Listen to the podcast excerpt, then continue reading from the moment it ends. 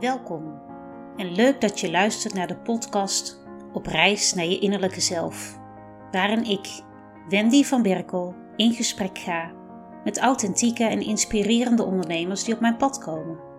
Hoe zij zijn gekomen tot waar zij nu staan, wat hun visie is, wat hun adviezen zijn voor jouw zelfontwikkeling, jouw persoonlijke reis en groei.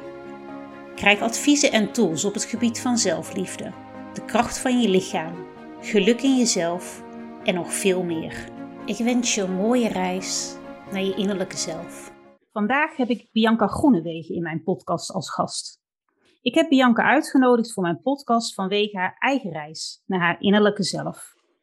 Bij Bianca is alles veranderd door zelf op reis te gaan. Letterlijk. Ze schrijft erover in haar boek Halverwege, Mijn Camino naar Santiago. En inmiddels is haar tweede boek ook uit, Mijn Bestemming. Zoals Bianca zelf zegt, de Camino was voor mij een reis om weer thuis te komen bij mezelf. Tot 2007 was Bianca, zoals ze het zelf noemt, totaal onder control. Toen werd ze moeder. En het moederschap heeft haar overrompeld, verbaasd. Ze merkte voor het eerst dat ze stilte om zich heen wilde. En dat was helemaal nieuw voor haar. Ze was overdonderd door emoties en dat zette haar aan het denken. Het maakte Bianca wiebelig als moeder, als vrouw, als mens. En de controle die ze voorheen had, was weg en kwam ook niet terug. Ze is op zoek gegaan naar dingen die werken. Zo is ze in contact gekomen met iemand die haar meer over hooggevoeligheid wist te vertellen. En ze herkende veel daarin van haar zoon. Het kwam ergens vandaan en alle puzzelstukjes vielen in elkaar. In 2012 nam Bianca, inmiddels moeder van twee zoons, de eerste stap, letterlijk, naar haar zoektocht. Als jonge moeder is zes weken een wandeltocht maken niet mogelijk en zo heeft ze samen met haar man ervoor gekozen om haar reis te splitsen door ieder jaar één week van haar wandeltocht te maken. Hierover is meer te lezen in haar boeken. Vervolgens wist Bianca steeds duidelijker hoe haar pad te vervolgen. En ze werd aangetrokken door de opleiding Dream Child. Daarin stond de tekst: Omdat jij mag worden wie je bent, en nog niet kan zijn. En jij mag het worden in jouw eigen tijd. Je bent goed zoals je bent. Bianca helpt je om de sleutel te vinden die mist om te komen bij jouw echte ik. Bianca, welkom in deze aflevering. Nou, dankjewel. Wat een intro. ja. ja, een intro inderdaad om de luisteraar alvast mee te nemen in ja, wat jij al hebt afgelegd. Letterlijk. Ja, dat is wel heel leuk ook om zelf terug te horen. Want als je natuurlijk midden op je eigen pad staat, zie je dat allemaal niet. Juist. Maar uh, ja, ik vond het wel eigenlijk heel leuk om te horen. Kijk, mooi, dat hoor ik graag. Mijn podcast heet Op reis naar je innerlijke zelf. Ja. En allereerst ben ik heel blij dat jij te gast wilt zijn in mijn podcast. Want jij helpt mensen om te komen bij een echte ik. En ik heb net ook verteld dat door jouw moederschap, dat jij bent gaan ontdekken hoe het anders kan. Van onder controle houden versus jouw intuïtie volgen. Mm En hoe heb jij dat aangepakt?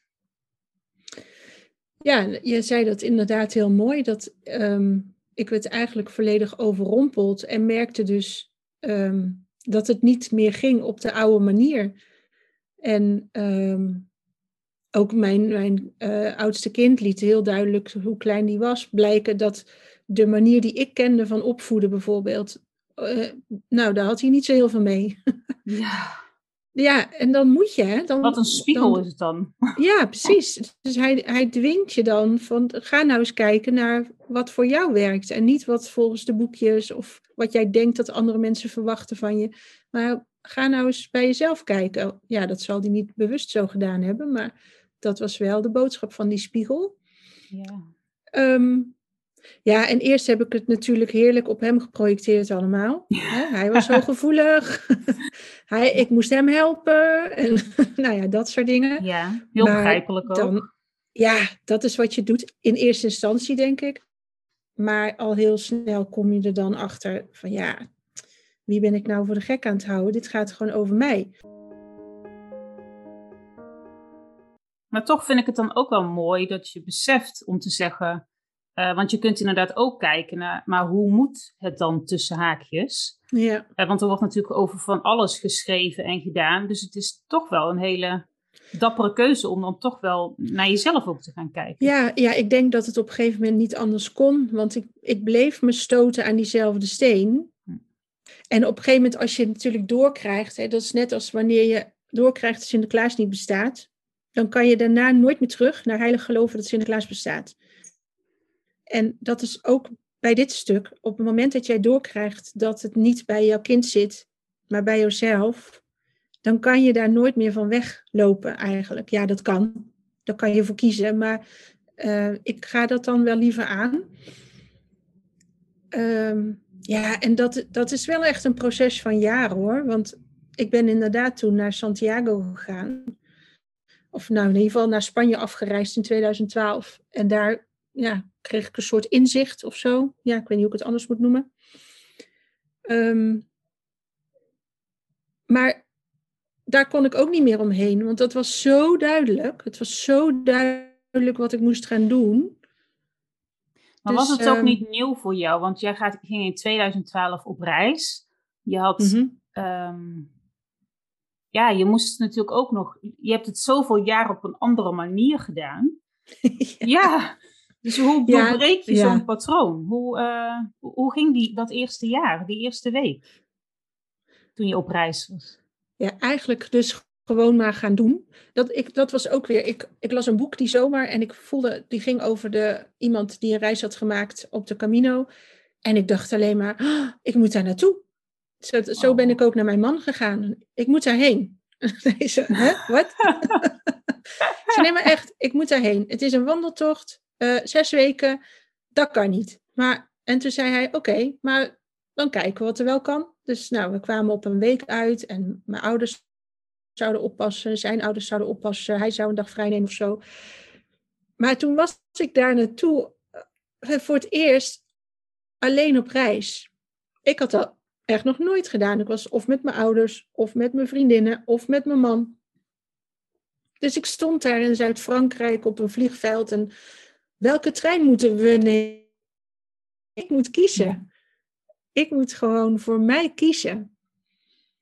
En uh, dat was heel gek, want dat had ik eigenlijk nog nooit gedaan. Ik, uh, ja, ik ben heel erg gewend om voor de ander te denken, te kiezen, te zorgen en te, te kijken wat het beste daarvoor is. En daarbij vergeet je natuurlijk om te kijken wat het beste voor Juist. jou is. En dan leer je eerst. Maar als je in je eentje op vakantie bent. Ja. Dan moet je. Ja, zeg maar. Ja, ik, ik wilde zeggen, je, door de praktische dingen die je, uh, die je eigenlijk in je reis meemaakte, kwam je al bij die leerpunten uit. Ja. Ja. Absoluut, absoluut. En ineens merk je, oké, wat hoe is dat voor mij? Wat heb ik nodig op dit moment?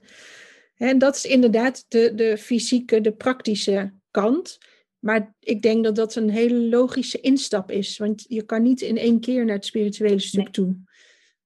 Uh, je moet het in stapjes pakken. En dit was gewoon, dit kwam op, op mijn pad, deze vragen. Oké, nou dan moest ik oplossen, want het ging alleen om mij. Juist. Jij zegt het spirituele stukje. Wat, wat, wat versta jij daar zelf onder? Nou, dat zie ik echt als de innerlijke groei, zeg maar. Die innerlijke reis, de, die volgt daarop. Maar ik denk dat je eerst je bewust moet worden van uh, het gaat om mij. Um, als ik, dan is wat je in het vliegtuig hebt, waarom moet je eerst een masker van jezelf opzetten voordat je je kinderen helpt? Juist. Omdat als jij uh, het niet overleeft, kan je niemand meer helpen. Ja. Dus het gaat om jou. Jij bent verantwoordelijk voor jouw leven. Um, en ik was heel erg verantwoordelijk voor andermans leven, maar niet voor dat van mezelf. Wat een inzicht dan, hè? Ja, ja zeker. En dat doet natuurlijk, ja, ik, dat vind ik het magische aan wandelen.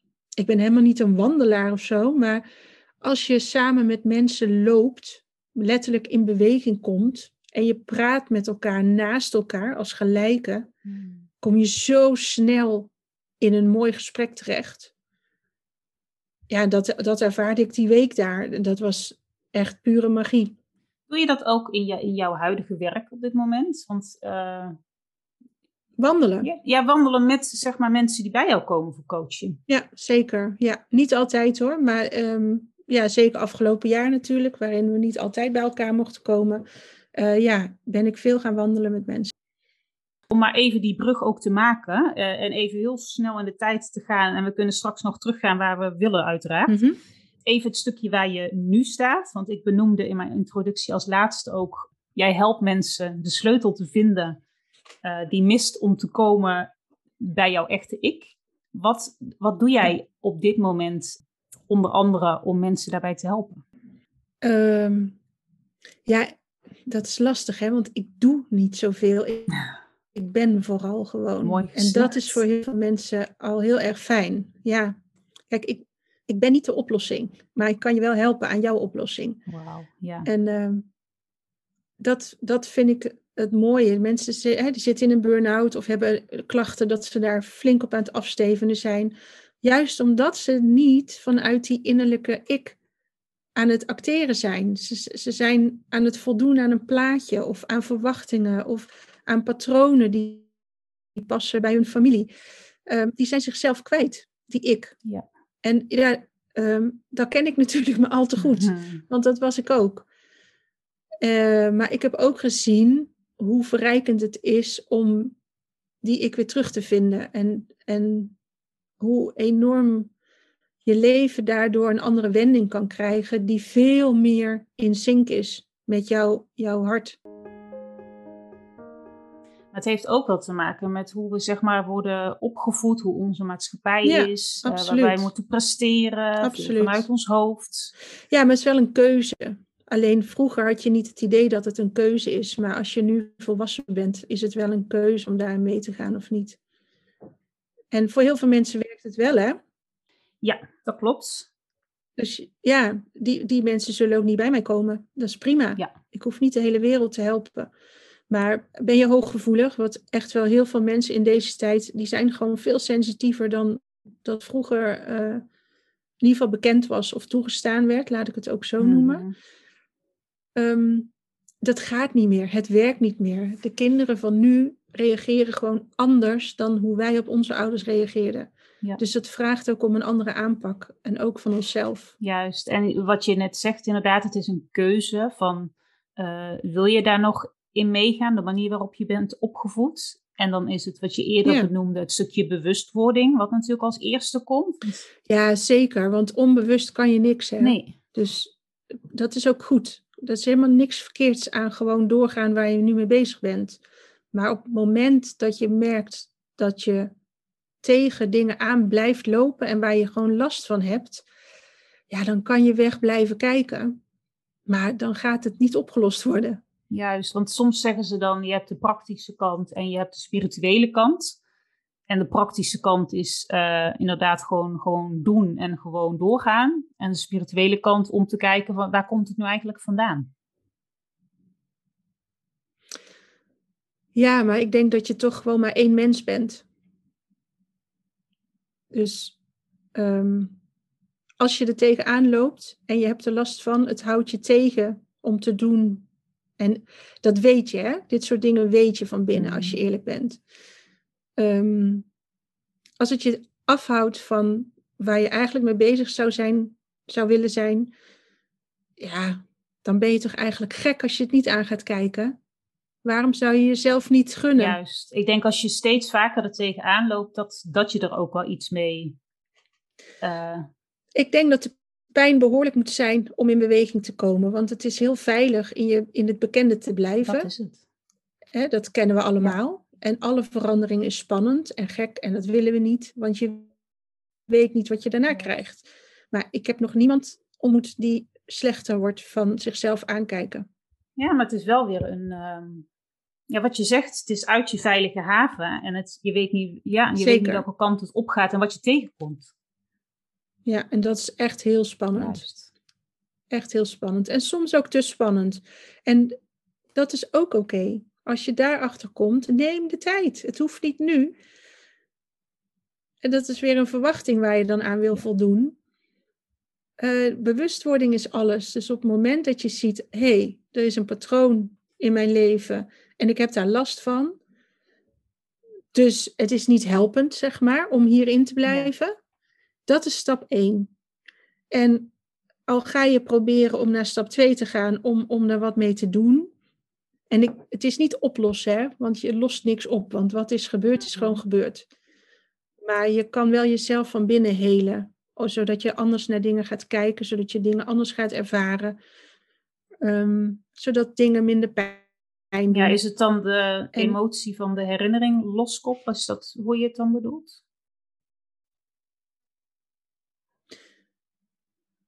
Mm, nee, want dan voelt het als stop het in een doosje en druk het weg. Ja, dan zou het helemaal... Nee, uh, ja. nee het, het, is juist meer... Um, ja, hoe moet ik het zeggen? Nou, wat, wat ik zelf altijd een hele mooie vind, en volgens mij is die van Nelson Mandela. We zijn niet bang voor het donker in onszelf, maar we zijn bang voor ons licht.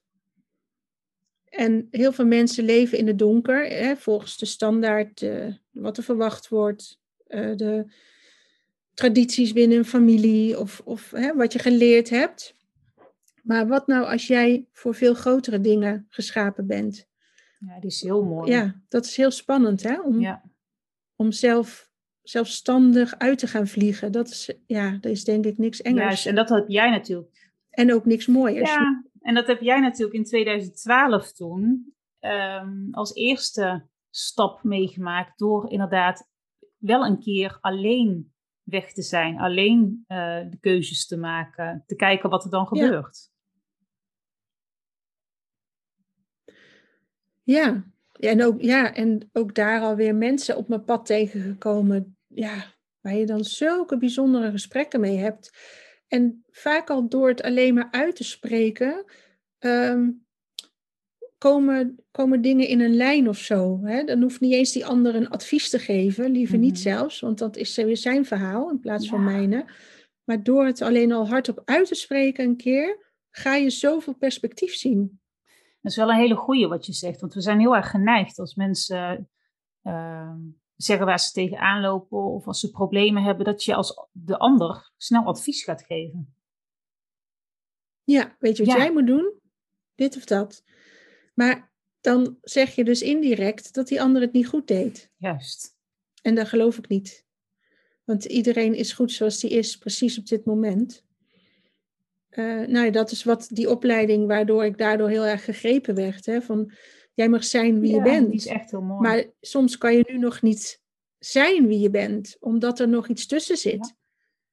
En dat is ook oké. Maar hè, als je dat ziet, dat er wat tussen zit, ja, probeer dan vertrouwen te krijgen om dat aan te pakken. En zoek daar ook iemand bij die je daarin begeleidt. Want dit hoef je niet alleen te doen. Ik doe dat ook niet alleen.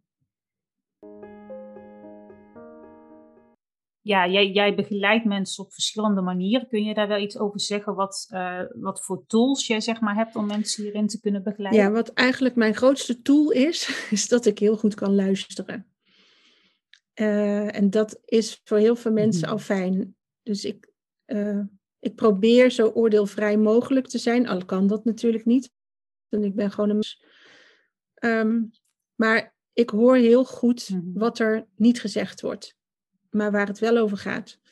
En daar zoom ik op in en daarin probeer ik uh, de ander vertrouwen te geven om dat aan te kijken vanuit een veiligheid uh, in het hier en nu, te kijken naar wat er in de weg staat. Um, ja, en wat ik al in het begin zei, dat kan heel spannend zijn. Uh, en dat is ook oké, daar is ook ruimte voor. Dus um, ik denk dat, dat, dat, je, dat mensen hier vooral hier gewoon mogen zijn. En dat is oké. En ja, ik werk met familieopstellingen, want ik geloof heel sterk in het systemische um, achter verschillende problemen. Ik kijk ook altijd naar het enneagram, omdat dat zowel in het proces heel veel zegt waar je in zit, maar ook over wie jij als mens bent en hoe jij reageert op zaken. Um, zo nu en dan is reiki nodig, omdat er gewoon fysiek uh, ja, iets in de weg zit, zeg maar. Dan help ik ze daarmee. Um, ja, vanuit het systemische stuk kijk ik ook altijd naar geboorte eh, en levensloop. Want daar er gebeurt gewoon heel veel. Heel veel dingen die wij, die ons dwars zitten, die ontstaan in de eerste 21 jaar van ons leven. Daarin maken we eigenlijk alles mee, waar latere obstakels aan refereren. En jij zegt de eerste 21 jaar. Ja, ja. Dat is opgebouwd uit een aantal fases. Ehm, je bent een babytje van 0 tot 6 maanden, een peutertje van een half jaar tot twee jaar, dan een beetje een schoolkind. Uh, hè, dan ga je langzaam kleuterklassen en dat soort dingen in tot een jaar of acht. Dan tussen acht, negen jaar, dan uh, donderen al die lieve kinderen met die enorme fantasie de boze wereld in. Hè, daarin gaan ze zien, onder andere dus dat Sinterklaas niet bestaat. Dat is rond die leeftijd. Um, dan ga je naar de vroege puberteit, uh, tot een jaar of veertien. En dan van veertien tot achttien de echte puberteit in. Nou, daar weten we denk ik allemaal nog wel hoe heftig die kan zijn. En daar, daarin gaat het heel erg om relaties. Ik en die ander, hoe zitten we daarin? Intimiteit kweken. Hoe durf ik mezelf bloot te geven, hoe niet? En daarna komt het fase van vroeg volwassen worden. Um, verantwoordelijkheid durven nemen voor je daden. Um, voor je eigen dingen blijven staan en, en, en die verdedigen. Dus echt je eigen visie ontwikkelen. Ja, en ga je dan in iedere fase, ga je dan uh, ga je daarna terug of hoe moet ik dat dan zien? Nou, dat hoeft niet. Het kan ook gewoon door elkaar heen. Maar het is goed om even te reflecteren op jezelf. Want tenminste, dat merk ik zelf. Ik sta niet elke dag heel bewust stil bij hoe het nou was voor mij als kind. En ik denk ook dat het helemaal niet goed is. Want je leeft nu. Klopt, ja. Maar zo nu en dan is het wel goed om een soort rode draad te gaan zien. Hé, hey, dit, dit gebeurde er toen en dat gaf mij dit en dit gevoel. Later gebeurde er zoiets. Nou, dat was eigenlijk weer dat ene gevoel wat toen al was aangewakkerd. En nu loop ik op mijn werk tegen mijn baas aan, die zich op die manier opstelt. En daar heb ik moeite mee. Dus dat is een patroon. En dat is interessant, vind ik, hè, om daarin ja. te, in te ja, ik, ja, dat is heel bizar. Dat is eigenlijk een soort van uh, les die je te leren hebt, die je dan iedere keer maar weer tegenkomt. Ja, het komt niet voor niks terug. Dus je hebt er wat mee te doen. Dat denk ik ook. Ja. En nu, nu heb ik ook wel eens iemand horen zeggen... Um, het stukje zeg maar voor je geboorte. Dat uh, als je zeg maar in de baarmoeder zit, mm-hmm. dat, je dat, ja. dat je dan al zeg maar beïnvloed wordt of uh, dat je bepaalde Zeker. waarheden overneemt. Absoluut. Kijk, sowieso als kindje ben je natuurlijk heel erg verbonden met moeder. Mm. En met je, je vader ook. Maar kan je nagaan in die buik? Ja. Dat kindje dat groeit in de moeder. Dus um, elke schrik die moeder heeft tijdens de zwangerschap elke stress uh, rondom, misschien moeten ze nog verhuizen naar een groter huis, I don't know. Dat voelt het kindje één op één. En die weet nog niet, oh, dit is mama. Ja. Maar die, dat ben ik. Want die, die is gewoon helemaal versmolten met zijn moeder in die buik. Dus je hebt, eigenlijk heb je dat stuk. Het kan zelfs al um, bij de verwekking zijn. En misschien zelfs al daarvoor, maar dat gaat misschien te diep voor nu. Mhm. Um, maar het is in je zwangerschap. Het is tijdens de bevalling dat er heel veel patronen ontstaan. Heel veel gedragingen ontstaan tijdens de bevalling. Er zijn, uh, uh, ja, je kan aan de hand van hoe jouw bevalling is verlopen verklaren waarom jij nu doet wat je oh, doet. Bizar. En dan heb je daarna die hele kindertijd nog, de hele ontwikkeling van hier op aarde zijn. Juist. Dus de, zoveel historie speelt mee. En dat is ook waarom die familielijn interessant is. Want ook daar, um, uh, ja, als, als daar eerder voor jouw geboorte iets is gebeurd in die familie waar bijvoorbeeld niet over gepraat mag worden, of wat een geheim is, dat voel jij als jij in die familie geboren wordt. En afhankelijk van wat jouw pad is hier, uh, ga je daar iets van dragen. En gaat dat op een gegeven moment knellen.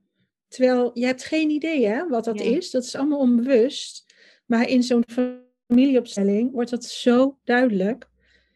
Er zijn zoveel patronen die we van generatie op generatie doorgeven, omdat niemand bereid is om het te voelen. En nu zitten we natuurlijk wel in een generatie waarbij we het juist wel aan willen kijken.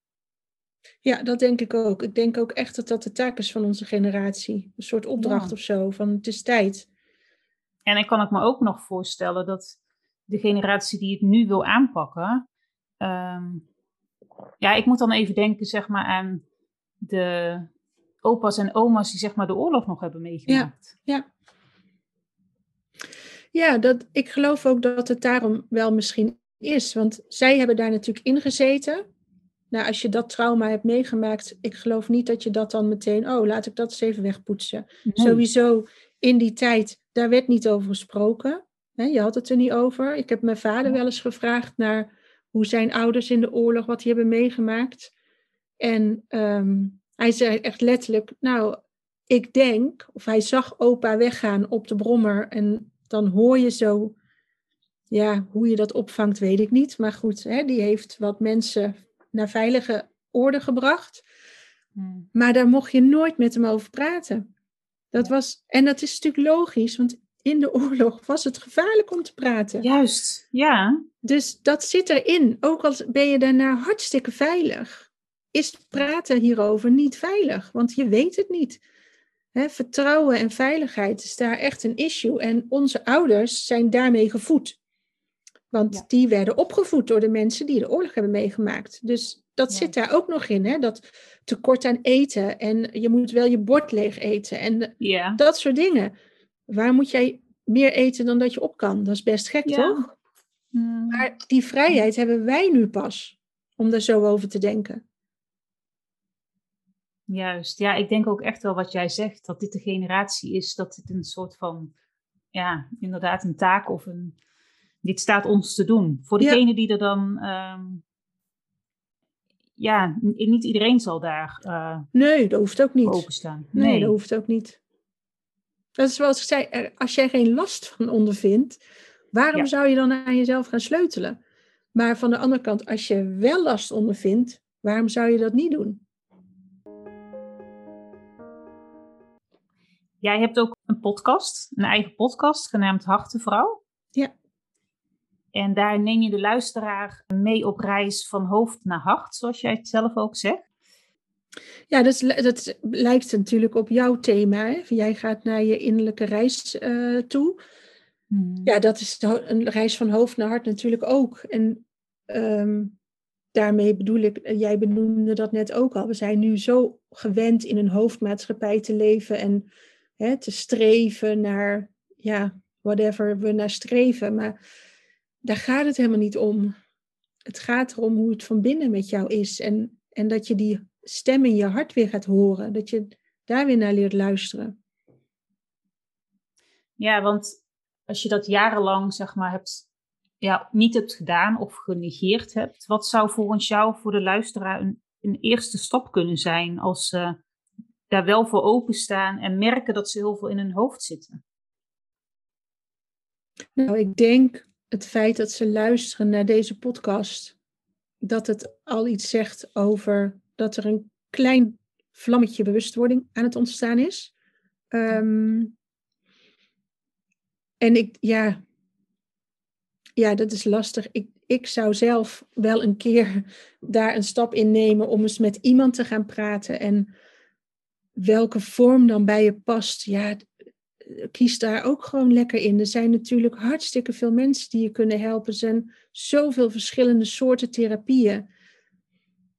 Maar ga dat eens ontdekken wat het met je doet. En, en zie dat ook als een proces. Hè? Want ik heb, nou, ik weet niet wat ik allemaal wel niet gedaan heb. En sommige dingen denk je eerst, oh, dat doet niet zoveel. En dat is misschien aan zich ook wel waar. Maar toch heeft dan dat stukje me weer geholpen om de volgende stap te kunnen zetten naar een soort therapie die me wel wat heeft gebracht. Ja, dat zeg je wel mooi, ja. Want zo werkt het denk ik ook wel, ja. Ja, dat denk ik wel. Ik denk echt dat je het stapsgewijs mag aanpakken. En je hoeft niet van vandaag op morgen volledig verlicht te zijn. Daar geloof ik sowieso niet in. Nee. Ehm, ik denk dat je laagjes mag afpellen. Hè? Mensen noemen het wel eens de jassenmethode. Dat je steeds een jas uittrekt. Of hmm. maskers afzet. Um, een ui afbellen. Ik denk dat het laagjes zijn en je komt steeds dieper naar die kern van jou en je gaat vooral steeds meer verbinden met jezelf. En zodra je die verbinding weer in stand hebt gebracht, dan ga je er nog steeds een keer uitschieten, want dat is het patroon wat je al 30, 40 jaar volgt. Maar toch kan je dan ook altijd weer kiezen om terug te gaan, want je hebt die verbinding nou eenmaal gemaakt. Ja, dat is het stukje wat je op het begin ook zei. Van dan weet je, uh, ja. dan, dan weet je dat die deur er is, om het zo Precies, te zeggen. ja. Ja, ik gebruik ook heel veel visualisaties bijvoorbeeld uh, tijdens een sessie. Want als je dat voor je ziet en je kan verbinden met het gevoel wat het je geeft, dan kan je altijd terug naar dat gevoel. Hmm. En ja, die is heel mooi. Als je daarop intuned, zeg maar, bij het nemen van een beslissing, dan weet je of je naar links of naar rechts moet. Ja, dat voel je. Ja, er zit zoveel wijsheid in je. Alleen wij hebben toch ergens geleerd om ons daarvan af te sluiten. En dat is jammer. Dus die deur mag gewoon weer open. Ja. ja want jij noemde eerder de verschillende mogelijkheden die je dan ook, zeg maar, uh, ja, aanbiedt om mhm. mensen te begeleiden. Uh, dat doe jij op basis van het verhaal van mensen? Of hoe, uh, hoe beoordeel je dat? Ja, ja, vooral op intuïtie inderdaad. Ehm, ik, ik vind het fijn om een poosje met mensen mee te lopen, maar niet te lang. Want ik geloof echt dat alles al in jezelf zit. Dus ik wil je wijzen waar je dat kan vinden. Maar daarna is het belangrijk dat je dat gewoon zelf gaat doen. Ehm, dus het, het prettigst werkt het, vind ik zelf, dat, dat, je, dat je dat een half jaar doet zodat je even met iemand mee kan lopen, maar dat er ook geen haast achter zit. Want er zijn zoveel mensen die juist op de rem moeten gaan staan in plaats van heel hard moeten gaan werken. Want dat doen ze al jaren. De meeste mensen eigenlijk die ik hier krijg, daar ga ik eerst even ehm, helpen met stoppen. Stoppen met hard werken, met dingen doen, met dingen regelen, met onderzoeken. Nee, stoppen. Eerst even stoppen en gaan voelen. En dat is heel moeilijk. Stilstaan. Ja. ja, we zijn niet gewend om te voelen. En voelen kan pijn doen. Maar dan is het wel fijn als je iemand hebt die je daarin begeleidt. Want als je gaat voelen, terwijl, je dat, terwijl dat nieuw voor je is, dan kom je ook dingen tegen. Ja, sterker nog, we hebben hele sterke overlevingsmechanismes. Die hebben we door de jaren heen ontwikkeld. En die doen het supergoed. Die hebben ons al die jaren beschermd. Ja. Nou, mm. als jij in je eentje even gaat besluiten, ik ga dat eens even aankijken, reken maar dat er minimaal eentje op staat en zegt, dat dacht ik even niet. Ik ga jou beschermen. Juist, ja. En dat helpt gewoon om een, een ander erbij te vragen, om met je mee te kijken en om, ja, om namens jou eigenlijk te voelen wat er speelt. En je daarop te durven wijzen. Want het is eigenlijk een spiegel voorhouden. Ik, ik ben ook wel echt heel direct in mijn coaching. Ehm, maar wel vanuit liefde. Want ik denk, mm. ik wil dat je verder komt. En dat doe ik niet door je met uh, fluwelen handschoentjes aan te pakken. Ehm, en tegelijkertijd geef ik je ook de ruimte om het helemaal in jouw tempo te doen. Dat is denk ik het belangrijkste. ik heb ook een traject van drie maanden, want soms is er gewoon niet zo heel veel aan de hand. Nou, dan is, zijn een paar sessies helemaal genoeg. Ehm, maar geef jezelf de tijd om de stappen te durven nemen. Ja, heel goed. Ja, precies wat jij zegt van je bent goed zoals je bent ja. op het moment nu en gun jezelf die tijd. Ja, en leer ook weer met liefde naar jezelf te kijken. Ik denk dat ieder van ons wel die stemmetjes kent in zijn hoofd. Van jeetje, doe je dat nu weer? Of jongen, jongen, kan je dat nou nog steeds niet? Oh, dat is zo niet helpend. Ik heb ze ook hoor. Maar ik probeer ze elke keer weer ehm, ze aan te kijken en daar iets anders tegenover te stellen. Ja, want jij benoemde net inderdaad als je met iemand in gesprek bent, van dan probeer ik zo, uh, ja, zo min mogelijk te oordelen. Maar dat doen we natuurlijk naar onszelf ook enorm inderdaad. Zeker, ja. ja. Maar ook daarin kan je echt wel trainen. Als ik kijk wat ik nu als oordelen nog op mezelf leg ten opzichte van vijf jaar geleden, dat is een wereld van verschil. Ja. Maar ja, ik geloof ook niet dat je verlicht wordt, hè? want je komt met lasten op de wereld. Um, En dat is oké. Die mag je ook gewoon dragen tijdens je leven. Dus het is niet dat je het weg moet poetsen hè, of dat je straks, nou dan mag ik nooit meer mezelf afkeuren. Nee, dat doe je al. Het is er al, dat geeft helemaal niet. Mhm. Maar je hoeft het ook niet 30 keer op een dag te doen. Nee. Het moet wel in perspectief of in proportie zijn, zeg maar. En, um, ja, leer maar gewoon eens van jezelf te houden. Ja, dat vind ik een hele mooie. Die komt in meerdere gesprekken in mijn podcast komt die terug. Het stukje zelfliefde. Hmm, waarom zou dat zijn? nou hè, ja. heel mooi. Ehm, ja, ik heb altijd één laatste slotvraag. En die wil ik graag ook aan jou stellen. Als jij één advies mag geven aan jouw jongeren zelf, wat zou oh. dat dan zijn? Ik krijg er kippenvel van. Mm wat zou dat zijn? Vind ik ook een lastige vraag, want daarmee impliceer ik ook dat ik het beter weet dan mijn jongeren zelf. Ik denk dat het is gelopen zoals ik het op dat moment kon handelen. Mm. ik denk wel dat ik, ik zou wel meer mogen vertrouwen op mezelf in vroegere jaren. Want ik wist heel veel dingen die ik nu doe, wist ik toen ook. Maar dacht ik, nee, dat zal wel niet. Ik zal wel gek zijn. Mm. Uh, dus meer, de, niet, het gaat niet om zelfvertrouwen, maar vertrouwen op mezelf. In mezelf. vertrouwen dat je, het, dat, dat je het kan, zeg maar. Nou, dat het klopt wat ik voel. Ja, heel mooi. Ja. Weet ik dat het zo is, maar eigenlijk weet ik dat al 30 jaar. Alleen durfde ik dat niet toe te geven. Ja. Ja. Ja, vertrouwen. Mooi. Ja. Dat denk nou, dankjewel. Ja, ja. Mooi. Ik zou jou graag willen vragen wat ik ook aan iedere gast doe. En daar heb ik jou natuurlijk ook uh, op voorbereid. Van wat uh, heb jij een leuk cadeau voor onze luisteraar? Uh, ja, ik zou iedereen is van harte welkom voor een spiegelsessie bij mij.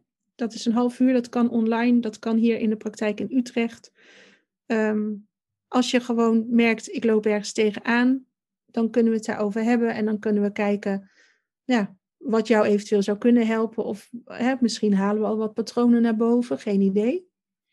Dat. Ja, heel mooi ehm. cadeau. Ja, want wat jij zegt, je, je bent iemand die goed kan luisteren. Ja. Ehm, je, waardoor je inderdaad een spiegel kan zijn. De spiegelsessie een hele mooie. En dat kan, ja, wat je dus zegt, online of, uh, of bij jou in de praktijk zijn. En dat kan een mooie eerste stap zijn om te kijken wat. Uh, ja, wat. Ja. Soms is even je verhaal kwijt kunnen ook al heel fijn. Ja, iemand die even luistert. Ja. Ja. Mooi. Ja, dan ga ik naar de, naar de afronding van ons uh, gesprek. Ik ga, in de, ja, ik ga later nog uh, in de outro delen hoe mensen uh, ja, zich kunnen aanmelden voor de spiegelsessie. Mm -hmm. Met daarbij ook de juiste linkjes. En voor nu wil ik jou bedanken voor, uh, voor al jouw delen van jouw inzichten. En uh, ja, ik vond het een waardevol gesprek. Dank je wel. Nou, dank je wel. Ja, ik vond het uh, mooi. Fijn om jou te spreken. Ik kijk terug op een mooi en fijn gesprek met Bianca. En ik hoop dat dit gesprek jou tot stilstand brengt. Om te voelen wat jij uit deze aflevering mag halen. En wil jij een spiegelsessie boeken bij Bianca? Kijk dan op mijn website www.wendyvanberkel.nl slash podcast bij aflevering 11. Dankjewel voor het luisteren van deze aflevering van de podcast Op reis naar je innerlijke zelf. Wil jij op de hoogte worden gehouden van nieuwe afleveringen? Abonneer je dan op deze podcast. Ken je iemand voor wie deze podcast ook interessant is? Stuur dan een link van de podcastaflevering door. Op deze manier gunnen we iedereen een reis naar een innerlijke zelf. Nogmaals dank voor het luisteren en graag tot een volgende keer.